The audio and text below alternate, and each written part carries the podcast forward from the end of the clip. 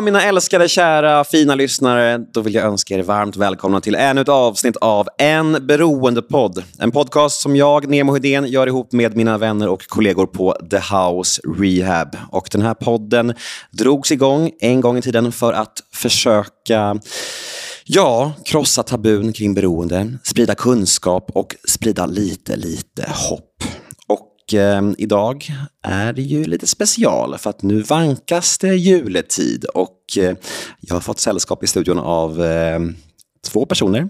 En person som varit med, varit med mycket, som är med och gör den här podden med mig. Kära Robert Boman och sen också Olivia från Trygga Barnen. Välkomna hit allihopa. Tack så mycket. Tack. Hej, hur mår ni? Jag mår fint, tack. ja, det har varit en stressig morgon, men, men eh, bara fint. Mm. Det är fint att vara här. Jättekul. Mm. Verkligen. Mm. Vi hade ju äran att ha dig som gäst eh, förra julen också. Och eh, vi tycker ju att ni gör väldigt mycket bra och fina saker så vi vill ha tillbaka dig hit. Ju. Fint, ja, tack. Det är klart, det är klart. Eh, vi kanske ska börja lite med att prata om Trygga Barnen. Ja, det tycker jag. Trygga Barnen fyller ju en viktig funktion. Och, och kanske framför allt på julen.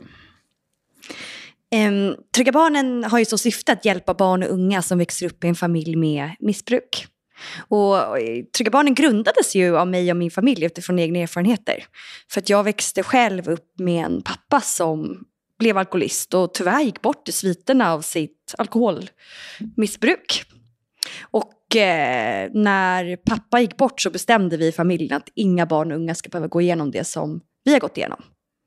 För att det tog så otroligt lång tid för mig att förstå att det var alkoholen som förändrade min pappas beteende. Jag växte upp norr om Stockholm i en fantastisk, varm och kärleksfull familj. Men bakom den här vackra fasaden så döljdes det ja, men, sprickor och problem. Men jag kommer ihåg när jag var liten, det var, mamma och pappa var så här, riktigt kära. Jag kunde skämmas när eh, mamma och pappa stod och pussades i köket och man hade kompisar över. Eh, och sen hände något. Jag kommer inte ihåg exakt hur gammal jag var, men jag tror att jag var 8-9 år när min pappa fick ett förändrat beteende. Han blev hånfull, sarkastisk, till och med ibland elak. Jag visste inte var jag hade honom någonstans. Men han har liksom aldrig höjt rösten emot mig. Kan ni förstå det här? Att det kom liksom små pikar hela tiden och det var svårt att veta var jag hade honom. Men det tog många år för mig att förstå att det var alkoholen som förändrade honom. Så det förstod du inte när du var 8-9 år? Absolut inte, för att alkohol var ett självklart inslag i vår vardag. Mm. Var det inte fredag eh, så var det fest. Mm. Eller så var det grillpremiär. Um, och vi barn, vi drack Coca-Cola och vi hade ett stort socialt umgänge. Mm. Och jag tänker nu när julen närmar sig, julen för oss har alltid varit något så extra speciellt. Ni vet så amerikanska filmer. Um, så var jularna för oss. Så vi byggde upp jularna i månader innan. Och eh, tyvärr så slutade de sista jularna som jag var tillsammans med pappa i kaos. Och jag vågade inte berätta det för mina kompis, kompisar utan jag gick tillbaka efter lovet och sa att jag hade haft en fantastisk jul. För att jag trodde att jag var ensam att ha en jul i kaos. Och det här är lite anledningen till Trygga Barnen. Att man inte vågar prata om det. Vi vill ta bort tabun och få barn och unga att inte känna sig ensamma i sin situation. Idag får ju 320 000 barn illa av, av vuxnas alkoholkonsumtion. Och det är ingenting vi pratar om och det måste vi förändra. Eh, så att eh, vi på Trygga Barnen eh, arbetar genom att hjälpa de här barnen handfast genom olika typer av stödaktiviteter. Eh, men också genom att vi finns tillgängliga via chatt och telefon. Och nu eh, när julen närmar sig så har vi både Trygg Jul några dagar innan julafton i både Stockholm och Göteborg och har öppet på julafton. Men också så finns vi tillgängliga på, på chatt och telefon till 23. Både på julaftonshelgen men också på nyårshelgen. Liksom, För att eh, det mesta är stängt då. Och det är då vi ser att barnen behöver oss som mest. Mm. Och det här är ju tack vare bidrag. Eh, som vi finns tillgängliga. Tack vare stöd, tack vare att vi får vara med i en podd och kunna nå ut och tack vare privata givare och, och företagsgåvor. Så att, ja, det är tillsammans vi verkligen gör skillnad. Mm. Vad fint. Det var väldigt fint. Och det såg ut som du var på väg att säga någonting där. När hon, Jag var på väg att säga flera saker. men du blev, blev hänförd av hennes... Ja, jag blev hänförd. Men, men jag, und jag undrar lite grann, hur gammal var du när, när du förstod då? Att, när du sa att jularna blev kaos. Hur gammal var du då? Ehm, jag var 12-13 när jag började förstå att så här, jag tittade på andra vuxna på middagarna. Och alla drack ju, men det hände något med pappa när han drack.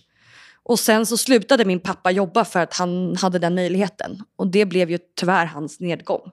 För det gjorde att han inte hade någonting att gå upp till på morgonen. Eh, det fanns fler anledningar att dricka.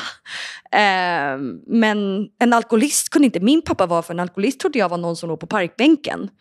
Pappa han raglade inte, han sluddrade inte. Han blev ju till en början liksom mer party. Eh, tog fram eh, eh, ljusen som mikrofon och han knöt rosetterna på roliga sätt. Liksom. Men det var det här som sen spårade. Och han ville vara eh, mitten, på, mitten på festen. eh, och många skrattade ju liksom, jag tror mycket åt pappa men också med pappa. Men han var ju ironisk mot dem också. Och det var svårt liksom att, att säga emot. För pappa var pappa. Han... Eh, men det, vad som hände var ju att mamma istället, istället för att hon satte ner foten, för ingen av oss fattade ju. Det kom ju så smygande. Så började ju hon säga att Åh, jag följer inte med på den här middagen, jag har lite ont i huvudet. Och då stod jag som 13-åring, bara ska jag följa med och, och ha koll på pappa så att han inte gör bort sig? Eller ska jag stanna hemma och ta hand om mamma som ligger hemma och har ont i huvudet? Vem ska, vem ska jag vara hos? Så jag brottades mycket där i tonåren, vems sida jag skulle faktiskt ta. Mm. Men det här som du beskriver, det här med att du var bara 8-9 år när du började märka beteendeförändringar hos din pappa. Att han ibland kunde bli hånfull och sarkastisk och allt sånt där. Vad tror du att det gjorde med dig? Hur formade det dig att han plötsligt, att den här oförutsägbarheten, att han, han blev någon annan ibland och du inte visste vem han skulle vara. Hur formar det en åttaåring tror du? Alltså det har ju format mig än idag. Det har ju liksom, la ju grunden för hela min självkänsla. Eh, jag blev ju clownen istället. Det var ju mitt sätt att agera. Att utåt sett, så här, jag blev ju lite som pappa. Så här, jag försökte skämta bort stämningarna. Eh, men också att eh, pappa var ju, alltså mamma var mamma. Alltså, mm, vi har pratat om det här hemma, men mamma var den här klassiska mamman som stod i köket, som eh, såg till att eh, både jag och pappa hade varma kläder på, som vi gick ut och lekte i snön. Pappa var verkligen så här lekpappa. Liksom, han kom hem med senaste tv-spelet, han kom hem med senaste leksakerna. Det var så kul att vara med pappa. Pappa var också reklamare, så det var alltid kul att vara med pappa på jobbet. Det var roliga filminspelningar, man fick liksom dricka hur mycket Coca-Cola man ville. Det fanns inget riktigt stopp. Eh, vilket gjorde att när pappa blev förändrad så var det liksom svårt att se det. Det var så här små saker som, eh, men ska du verkligen ta den där extra bullen, kolla dig själv i spegeln först. Och till en början, som barn, så bara flöd det förbi en. Men sen, ju mer sådana man fick höra. Jaha, fick du sådär dåligt på provet? Du kommer inte bli någon när du blir stor. Eh, han började skämta med, jag hade en kompis som flyttade ut till landet och han vet, skämtade om, om eh, att hon var bonde, som att det vore något negativt. Eh, och liksom tryckte lite ner henne, oh, omedvetet också. Det, är det, här, det var så himla svårt att se. Och samma sak som jag kunde be om pengar för jag skulle gå på bio med kompisar. Och ena gången fick jag höra att jag var liksom värd alla pengar i världen. Och nästa dag så fick jag höra att jag var inte värd en krona. Eh, men jag förstod inte riktigt vad jag hade gjort. Och sen accelererade ju pappas drickande. Även om det inte såg ut så utåt sett, vilket gjorde att jag började skämmas och ta hem kompisar. Kunde pappa ligga och sova på soffan när jag kom hem från skolan. Eh, han blev liksom pinsam. Han, eh, ja. Varför tror ni att julen är så pass laddat för så många människor? Men det är ju det är väl årets största högtid och, och alkohol är ju tyvärr så starkt kopplat till den här högtiden, vilket är, eh, är ju egentligen ganska märkligt. Jag minns att vi pratade om det här förra året, för det är ju faktiskt barnens högtid. Så ser jag på det i alla fall. Det, det är barnens högtid. Ehm, och du sa att, att 320 000 barn far illa i Sverige på grund av, av alkohol. Eh, och jag tror ju att det faktiskt är många, många fler eh, som, som kanske befinner sig snarare då, eh, det du beskriver nu om 8-9 års åldern, alltså man förstår inte riktigt, det, det mamma eller pappa blir lite personlighetsförändrad och kanske inte har kommit dit där det har blivit ett, ett eh, där man har utvecklat ett fullt beroende. Men, men när man dricker så blir det ibland lite tokigt och blir just personlighetsförändrat. Så det här tror jag att det är ett enormt mörkertal av barn som, som mår dåligt. Och jag har sagt det förut och, och, och egentligen så är det ju faktiskt inga barn som tycker att det är roligt när föräldrar dricker, eller när vuxna dricker. Det är egentligen bara de vuxna själva som, som tycker att de blir så härliga och tokiga och, och Nej, men exakt. Och det är... Extra kramiga och, och, så vidare. Precis, och det där är så intressant, för jag fick den frågan i ett annat sammanhang igår, det här med vad tycker du om vit jul? Är, är det någonting som är, är viktigt och något som vi borde ha? Och så här. Och jag är inne på det som du säger där, att, att som jag har blivit upplärd så barn gillar förutsebara föräldrar. Att de vet hur sina föräldrar kommer bete sig. Oavsett om man blir glad, eller ledsen eller kaosar eller inte, så förändras man ju när man dricker. Man blir annorlunda liksom. Och det förvirrar ju barnen, tänker jag. Så för mig är det liksom, det, är det tydliga svaret där. För, för, att, för att folk som argumenterar för att dricka på jul säger ofta så här, ja men jag har inga problem och jada, jada, jada. Ja, men det kanske inte spelar så stor roll. För att man förändras ju fortfarande. Och barnen kanske vill ha sina föräldrar som de är vana vid att ha sina föräldrar, tänker jag. Mm. Mm.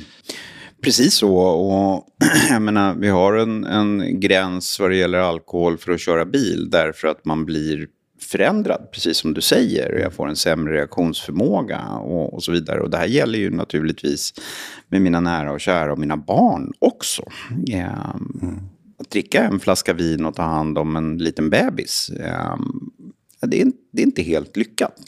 Nej, bara det här att natta och känna den här doften. Även om det bara är två glas vin så kommer det ju en, ur andedräkten mm. en doft. Mm. Och samma sak, och tänk om det händer något och man måste åka in till sjukhuset. Då kan man ju inte köra.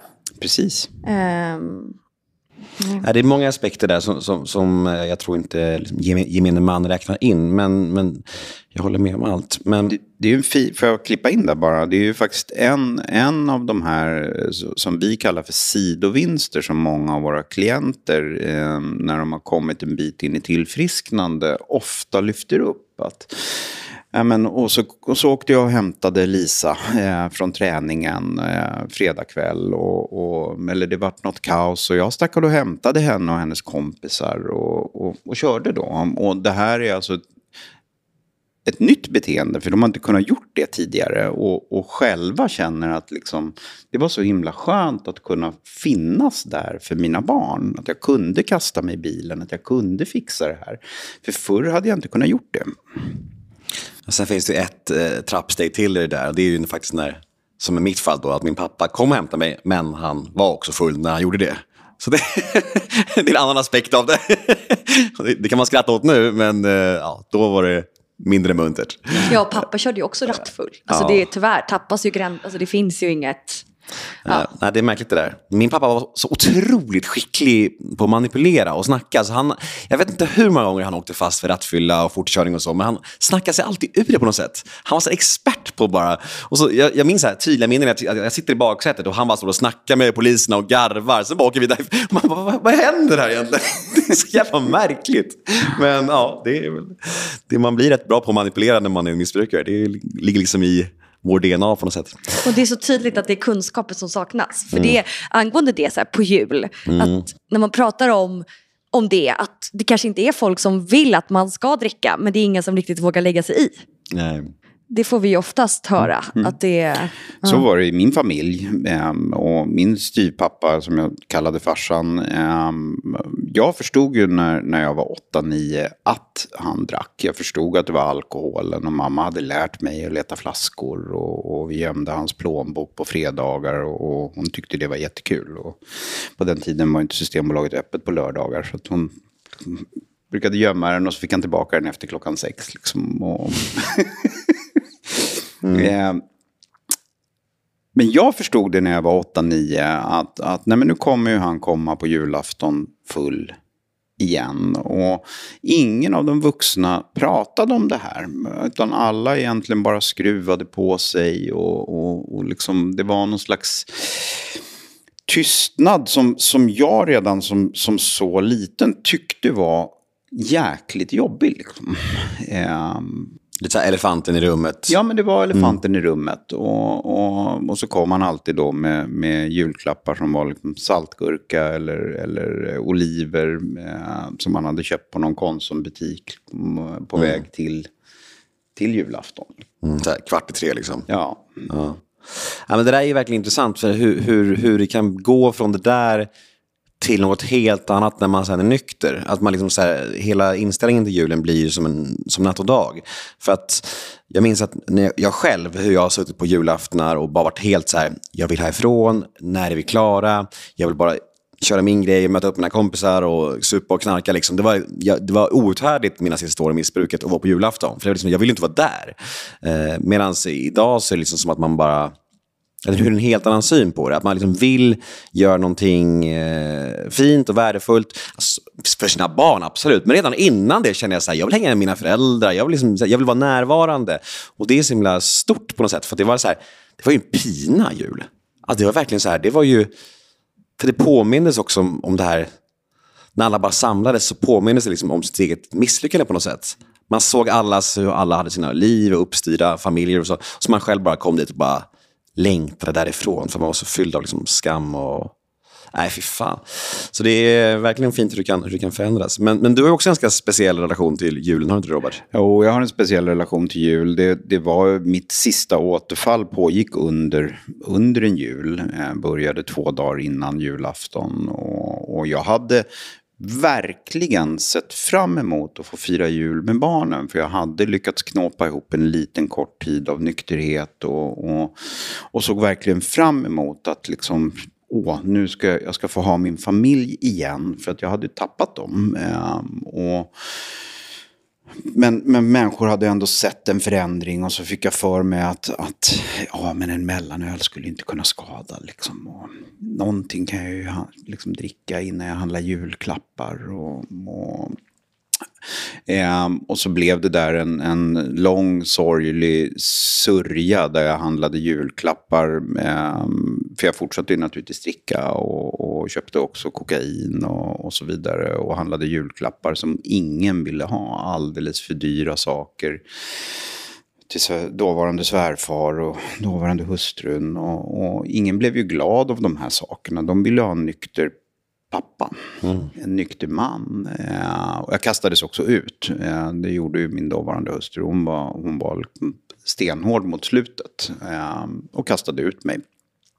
Den julafton satt jag på, hittade jag en, en, det var ju få krogar på den tiden som hade öppet faktiskt. Men jag hittade en krog på centralstationen som hade öppet. Och det var bara jag och en man till där och han satt några bord bort och jag såg att han satt och grät. Eh, och jag satt och grät vid mitt bord. Eh, och, och, jag gick fram till honom och, och liksom nickade lite så här. Är det okej okay att jag sätter mig? Liksom, och menade det med en nickning. Och han nickade tillbaka. Och sen, sen satt vi där och drack utan att prata ett ord med varandra.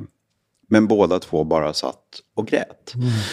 Och det är väl, det, jag tycker någonstans att det faktiskt också är viktigt att, att lägga till den saken. För jag ville faktiskt inte dricka mer.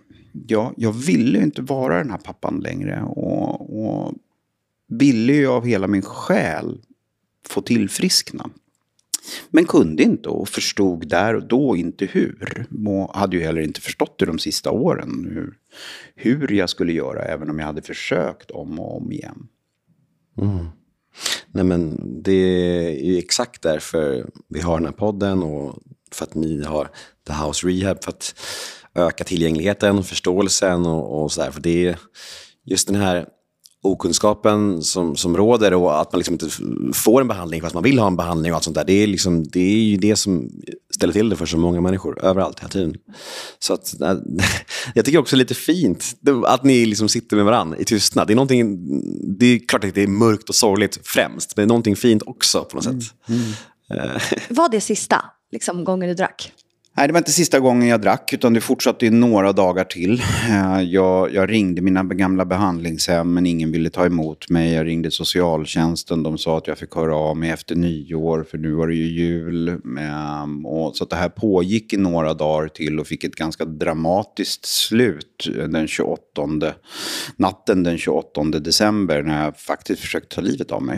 Ehm, I, i närheten av ett ett tidigare behandlingshem. Så från den 29 december år 2000 så, så har jag varit nykter och fått fira jul med mina barn. Vad fint. Wow, det är helt fantastiskt. Wow. Så det är alldeles snart dags för årsdag för den gode Boman. Wow, vad fint. Ja, det är verkligen, alltså julen är ju något speciellt. Jag kan ju bara se Alltså den här stressen som byggs upp av alla måsten som måste göras. Det är ju, jag bara tittar på mina föräldrar, de var ju uppe till så fyra på morgonen innan julafton för att det skulle bytas gardiner och man fick inte klä granen innan den 23. Ehm, och alla de här måstena hela tiden som satte de här kraven. Ehm, jag tänker på, på oss på Trygga Barnen, att det är så många barn som inte ser fram emot julen. Och att de tycker det är så jobbigt att samhället bygger upp den här nedräkningen inför julafton. Och de vill inte ha jullov. För att de vet att då stänger hela samhället ner. Varför tror du att det är så här? Det är ju, alltså barnen vill ju inte fira jul för att de har det jobbigt hemma. Och vi får ju bekräftat att de, eller jag, en tjej sa till oss bland annat att ja, mamma dricker mer under loven för att hon vet att jag inte kan prata med någon då. För att allt är stängt. Så då passar hon på. Um, och det är därför vi har öppet i år på julafton, för första gången. Och vi har redan flera, eh, framförallt ungdomar och unga vuxna som har anmält sig och kommer själva. Det är till och med en, en person som har anmält sig som fyller år på julafton och kommer och väljer att fira den hos oss. Det tycker jag visar på hur viktigt det är med den här trygga platsen. Bortom det här kaoset som sker. Det behöver inte alltid vara att, att föräldrarna blir jätte, jättefulla och ligger liksom och kräks och, i en buske. Utan det är just det här oberäkneliga, det här att alla måste vara så glada. Nu åker smilet på för nu kommer släkten hit. Att ingen vågar lägga sig i. Och, och eh, det finns det ju också så här, forskning som visar, det finns någon eh, SIFO-undersökning som visar att, att många har sett barn fara illa på grund av alkoholen. Men de vet inte hur de ska göra och därför agerar de inte. Men egentligen är det så enkelt. Det är bara att våga se. Det är det som är första steget. Um, och där tänker jag att vi i civilsamhället måste bli, bli starkare, att faktiskt våga lägga oss i. Och det handlar inte alltid om att konfrontera en person på, på kanske julafton, men däremot att se barnen och visa att det du går igenom det är inte okej, okay, men jag, jag är en trygg liksom, hand, jag finns här. Um, det tror jag är viktigt. Absolut. Och, och mm, jag tycker det är fantastiskt fint att ni gör det här på julafton. Och, och, fint med, med den här personen som fyller år också, som väljer att komma dit. Eh, tycker jag är jättefint och jag tycker att det är viktigt. Du säger många viktiga saker och vi pratar ofta om det här. Att, att det är ju inte, allt, det är inte bara total misär. Liksom, utan det är det här subtila och någon som dricker bara lite, lite för mycket. Och personlighetsförändringen. Och Mm. Men, och vi har glömt något viktigt som jag i alla fall har så starka minnen av. Jag vet inte vad ni har för erfarenhet av det. Men så här, jultomten. Jag kommer ihåg att pappa skulle alltid vara jultomte och alltid vara så lite för... Alltså, han var inte full, men han var liksom lite så här Lite druckit lite för mycket. Tom, lite glad. Tomten luktar sprit. Ja, to, exakt. Klassiskt. Ja. ja. Mm. Och att det var alltid så här när tomten då hade gått och, eller pappa hade gått och köpt tidningen och så knackade tomten på. Och jag var ju yngsta barnet i liksom lilla släkten som var på plats. Eh, och det var alltid då att så här, jag skulle sitta i tomtens knä och ta en bild. Eh, och, och dessutom var det så här, vad vill tomten dricka? Det är kallt ute, vill du ha en whisky så att du värmer dig? Mm. Så att jag liksom som barn skulle servera min pappa ändå en, en whisky. Um, och det var ju inte att det var ingen som tänkte på det. Så det, återigen, det är kunskapen som saknas. Hade Mm, verkligen. släkten liksom haft kunskap av att mm, vi kanske inte ska bjuda pappa på en whisky här. Eh, för det var ju precis innan det gick för långt med pappas drickande. Det var här när det låg på, på gränsen att det fortfarande var hållbart i perioder. Mm. Men precis, det är ju den här normaliseringen och de här gamla de här traditionerna, om man ska uttrycka det ordet, att, att det, som det alltid har varit. Men jag tror att det handlar om att då, när de här grejerna liksom sattes på något sätt, då visste vi inte att det kanske var skadligt för barnen heller, på samma sätt som vi vet nu. Att, att nu, har liksom, nu finns det mer kunskap, och det är också vårt jobb här i podden att prata mer om det. Just de här grejerna du pratar om nu. Att det kanske, inte, det kanske visst skadar barnen mer än vad man tror, att ha en tomte som är full, än vad vad man fattade för 20, 30, 40 år sedan. Jag vet inte, jag spekulerar bara nu, men det är vad jag tror. Uh, och det är liksom så här, kunskap, kunskap, kunskap. Det är, man får nöta in det liksom på något sätt. Uh... Och samma sak med nyår. Så här, jag vet hur, eller många barn berättar för oss att de är så här livrädda för nyårsafton. För att nu är det så tur, vilket är skönt, att de här reglerna har kommit med fyrverkerier för djuren bland annat. För att många var ju livrädda. De vågade inte ens gå och lägga sig eller liksom gå till ett annat rum när fyrverkerierna skulle smällas av. För det var ju oftast den, alltså det kunde ju vara en annan person också, men det var ju oftast den som var liksom middle of the show, som kanske hade druckit lite för mycket, som skulle eh, tända de här fyrverkerierna. Mm. Och där stod barnen på sidan och bara hoppas, hoppas det inte de smäller någon i ansiktet eller smäller den rakt in i huset. Eller ja, att liksom barn känner ett jättestort ansvar att bli föräldrar över sina egna föräldrar. Ja, det hände faktiskt eh, en sån fyrverkeriolycka. Då var jag nykter och, och jag har faktiskt tänkt, tänkt på det här att det var någon, en sån här supertjock bombgrej som, som, eh, som välte och började spinna och skjuta åt alla håll. Och, och sen så stannade den och jag såg att den då var riktad mot eh, barnen. Och så sköt den och jag tog eh, barnet som stod framför och han precis vända mig och fick den här i ryggen. Och, och jag har tänkt på det här många gånger att jag hade aldrig hunnit göra det här om jag hade druckit. Och det var en sån jäkla smäll. Vi flög ju omkull och, och brände hål på hela rocken. Och Ja, det är ju det. han hade fått Ah, en ja. rakt i ansiktet. Mm. Nej, men det där är så intressant, för det där påminner lite om det där du sa med att sidovinsterna man får i nykterheten. Att man kan köra Precis. bil, att man kan eh, reaktionsförmåga, att man finns där tillgängligt. Det här borde vara en självklarhet för alla människor, men det är ju inte det. Nej. För att vår längtan eller vårt behov av alkohol är liksom starkare. Vi ska unna oss, det ska finnas. Det är viktigare än att vi ska vara liksom den tryggaste, bästa möjliga föräldern för våra barn. Vilket är helt vansinnigt egentligen. Om man Ja, tänker det är på helt vansinnigt. för jag tänkte på det här om dagen också när jag, när jag, när jag poddade med, med Bingo Rimér i min andra podd. Och då sa han just det här. Han sa så här, jag, jag dricker väldigt, väldigt lite och jag dricker aldrig med mina barn. För att jag vill kunna ha, liksom, vara totalt skärpt liksom, och, och kunna köra bil och, och alla, alla de här grejerna vi pratar om här. Och då var det bara så, när han berättade tänkte, tänkte jag så här, så borde ju alla tänka. För barnen är ju det viktigaste vi har. Det är ju så. Men ändå så är det inte självklart för många. Och jag förstår det här om man har ett problem med alkohol. Då är Om man ju sjuk och har liksom, då finns det ju inget stopp. Nej, men precis, då, har du ju ändå, då, är det, då är det en sjukdom som är, då är ju våldet av någonting. Ja.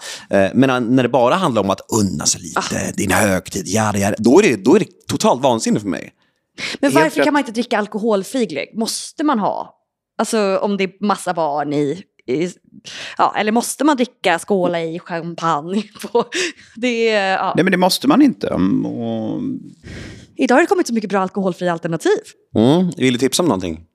Eh, ja, Odd, Oddbirds tycker jag om. Jag tycker Ja. om deras alkoholfria champagne jättemycket. Jag tycker att den är... Ja, den, den drack jag förra nyår och kommer dricka igen. För att jag ska vara med barnen. Det, men sen tycker jag också att det är viktigt att man ska inte ha förbud. Det tr- tror inte jag på. Men däremot så måste man ha en sund inställning till det och förstå hur barn påverkas, även om man inte har problem. Att det är så lätt att säga det här, men jag har inga problem, jag har inga problem, jag har inga problem. Men barnen märker ändå. barnen märker ändå, och, och här är väl, man kan ju ha det som en måttstock, att är det så jäkla viktigt, Ja. ja, men då är det kanske ett problem. Mm. Vi börjar i alla fall kanske närma oss ett problem. Om, om det måste vara, ehm, vad heter det, en snaps och, och, och det måste vara en starkvinsglögg och, och, och, det måste vara och måste vara. Och, för det hör till. Eh, har jag de här måstena så, så tycker jag faktiskt att man ska tänka en, en sväng till. Mm. Eh, Nej, men det där har jag som måttstock även när jag har dejtat lite, vilket inte är så mycket senaste åren. Men när jag väl har gjort det så har jag tänkt på just de här grejerna. Att om jag går på middag med en tjej och, och, och hon hör att jag är nykter och om hon då säger så här, jaha du dricker inte? Nej men då dricker inte jag heller. Det är mer så här, ja, soft. Och liksom, jag skulle aldrig kräva det av en tjej. Men att det, det, spelar liksom ingen roll på något sätt. Då är det så här, ja, men wow, sunt liksom. Medan om det däremot är liksom så viktigt, eller eh, att det blir dålig stämning, eller någonting skaver på grund av det, då är det ju någonting som du säger, då är det kanske eventuellt en liten, liten, liten varningssignal. Eller om man börjar tjata på dig. Kom igen Exakt. då, ett glas vin kan du ju dricka. Men jag tycker också att... liten, liten jävel. Okej då älskling, för din skull. Ja. Det är ju så trevligt dejt här. Ja. Eh. Men hur ska man närma sig folk då? Om man nu har en anhörig eller en släkting som det ska bli julfirande och man får lite dålig känsla av att ah, den där farbrorn kommer eller den där personen han har lite taskigt ölsinne. Hur, hur närmar man sig sådana människor? Men våga prata om det. Om man märker att det är ett problem, här, eller inte ens ett problem, utan bara så här, sätt ramverket innan. Idag så har vi WhatsApp-grupper, vi har liksom, man ringer gruppsamtal eller eh, tack vare typ corona, vilket är sorgligt, men också bra, så har det digitala blivit väldigt men man har ju grupper idag på ett annat sätt, tycker jag, med familjen, så, som man kommunicerar i. Och där att så här, vara tydliga med att det här är ramarna som gäller. Eh, och jag tänker också så här, det som jag tycker jag kommer ta med mig nu till jul, jag kommer fira super, super litet, bara med barnen, och min man och en släkting. Att så här, jag kommer inte heller ha någon press på att det måste bli perfekt. Att så här, ta bort det. Jag ska också som som eh, liksom host kunna slappna av och ha kul på jul och inte behöva stå i köket hela julafton. Utan då får väl maten vänta lite. Eller då får vi väl mikra köttbullarna i värsta fall. Ja, om vi inte hinner steka dem. Att, att ta bort pressen. Eh, men angående din fråga, det var bara ett sidospår. Eh, så att våga. Alltså våga alltså, prata om det. För det är så lätt att alla pratar bakom ryggen. Alla ju vet ju. Alla har ju sina tankar och idéer. Eh, men att man inte bara lägger korten på bordet och säger hur ska vi göra i år? Mm. Precis så, börja prata om det öppet med varandra. Att uh, komma kanske överens om då att nej men då, då skippar vi alkohol därför att Lasse eller, eller Stina blir, kan inte hantera det. Och, och kanske också säga det till den här personen då. Att bara så du vet, vi, vi kommer inte ha någon alkohol den här julen. Uh, för vi tycker att det är ett problem. Och sen är det ju upp till den personen om den, om den vill acceptera det eller inte. Vi har ju skrivit en, en, eh, en text om det här med, med lite tips som finns på vår, vår hemsida. Eh, där Sandra också ger lite tips och bland annat att göra en safety plan till exempel inför julen. Vad ska vi göra om någonting händer? Eh, men men framför, allt, framför allt prata om det och kanske planera julen annorlunda. Om vi vet att, att morfar alltid blir jättefull på kvällen, men då kanske kanske det är bättre att morfar kommer på dagen i sådana fall. Och, och sen får han åka hem i sådana fall. Ja. Så får man försöka balansera helt enkelt.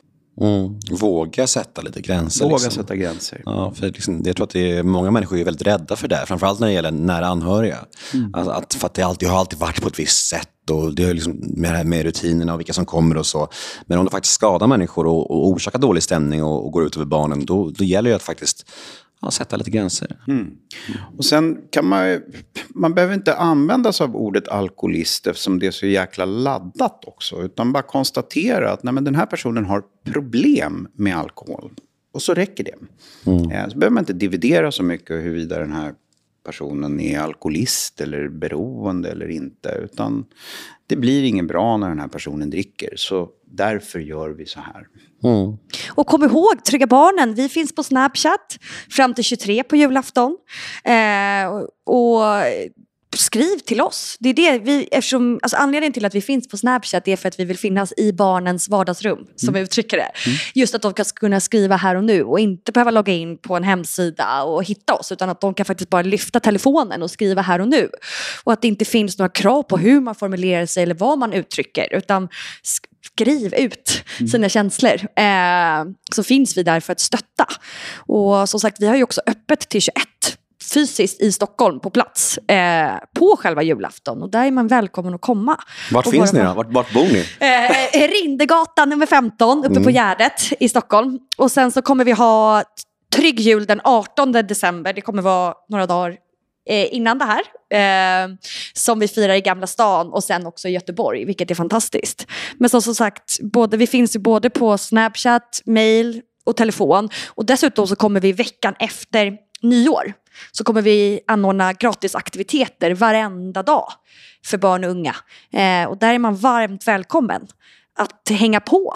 För att som men- en jullovsaktivitet. Ja, om man inte vill vara hemma med sina föräldrar eh, eller känner att man vill ja, men komma iväg och ha lite kul och inte behöva tänka på allt det jobbiga så kan man få komma och hänga med oss. Vi kommer klättra, vi kommer gå på uh, någon, VR-experience. Ja, det är aktiviteter varenda dag som man kan hitta via vår Instagram, Trygga Barnen, eller på vår hemsida, tryggabarnen.org. Ehm, Och ni finns väl också tillgängliga antar jag? Vi finns tillgängliga hela julen. Man kan kontakta oss när som helst, dygnet runt. Ehm, och, och vi är här, vi kommer att arbeta hela julen. Så vi tar inte ledigt. Så Framförallt inte på högtider. Nej, men verkligen inte. Och, så både The House och Trygga Barnen finns till ert förfogande under julen. Mm. Fantastiskt. Och hur ska du fira jul, Robert? kommer fira jul med alla barnen igen. Ja, det är lite, lite eh, mixande och matchande för, för att få till allting. Eh, det har kommit ännu fler barn. Jag har sex barn idag. Så att, Fast det blir ingen mellanöl, va? nej, det blir ingen mellanöl. Det blir ingen mellanöl. Vad fint att du kom tillbaka, Olivia. tack. Supermysigt att träffa dig igen och, och tack för allt jobb ni gör. Ja, men tack för att vi får, eller jag får vara här och sprida ordet och att få prata med er. Och eh, tack till dig som vanligt, Robert. Tack själv, Nemo. Mm. Och god jul till båda och god jul till alla lyssnare. God jul till alla så eh, ser vi fram fram emot ett, eh, ja, ett till år av den här podden. Och eh, vill ni önska en poddgäst eller ett tema eller vad som helst, hör av er till oss på Instagram. Där heter vi kort och gott en beroendepodd i ett ord. Ja, puss och kram och så hörs vi igen nästa onsdag. Hej då! Toppen. Hej då. Ta hand om er. Hej då!